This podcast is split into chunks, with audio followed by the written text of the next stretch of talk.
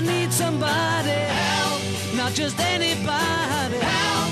You know I need someone help. Vi ser de rundt forbi, hykker fram en liten dings og drar inn pulver, voksne og unge. Så mye som 25% av de som trenger astmaspray i Norge, er unger. 8% er voksne. Pluss massevis av skiløpere. For går du på ski, så får du fort astma, ikke sant, doktor Munkvik? Ja. Jo, det kan jo nesten virke sånn.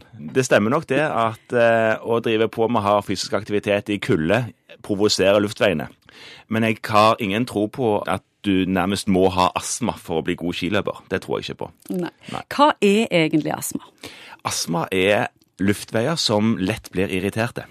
Da har du luftveier som alle andre, men de lar seg provosere veldig fort av røyk, av kald luft, av rask luft. Hvis du er ute og trener og puster fort, så kan det raspe liksom i luftveiene, og hos en som ikke har astma, så betyr det ingenting. Men med, med, med astma så blir de irriterte, og da snurper de seg litt sammen og lager litt slim og gørr. Og da må du ha en liten dose. Nettopp, da må du ha noe som får vekk slimet og spyler ut luftveiene litt. Hvorfor er det så enormt mye astma i Skandinavia? Ja, Det er det jo mange som har prøvd å finne ut av. det er der. Eh, man vet at det er mye her, og så vet man ikke helt hvorfor. Kanskje det har med renslighet å gjøre, at man har i en periode vært for renslige, at man ikke har fått provosert kroppen sin nok med urenslige ting. Men, men disse tingene vet man ikke helt. En har iallfall funnet ut at hyppigheten øker med økt levestandard, så det kan være Ja. noe i det. Sant? Det det er noe kanskje i det, men man, man har ikke helt konklusjonen i det. Er det noe en kan vokse av seg og bli bedre av, eller?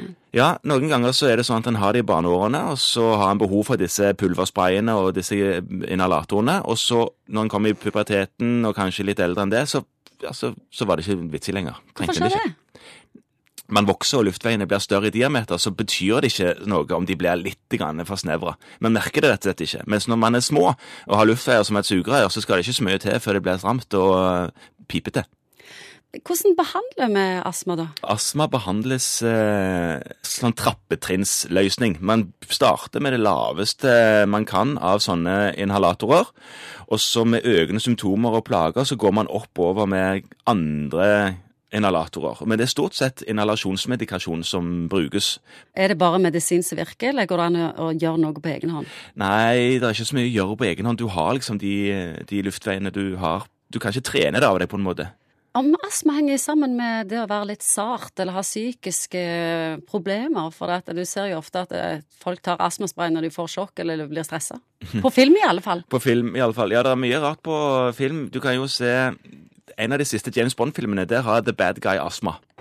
Og han et godt eksempel på hvordan du ikke skal ta astmaspray. For han er jo så vidt han er borti leppene når han bare puffer den eh, sprayen sin. Det er galt. Det er ikke sånn man skal gjøre det. Spør en, spør en astmatiker om hvordan du skal gjøre det. Det er ikke sånn. De har ikke greie på det på film. De, fall ikke han. Der hadde ikke gjort researchen sin der. Men hva var det du spurte om igjen? Jeg spurte om det er sånn at det er folk er litt Å ja, sarte. sarte. Ja, Ja, nei, det er nok mer sånn at eh, stress og psykisk stress hos enkelte vil provosere fram astmaplagene. Det er ikke sånn at enhver som, har, som er engstelige, eh, eh, har astma og trenger astmaspray.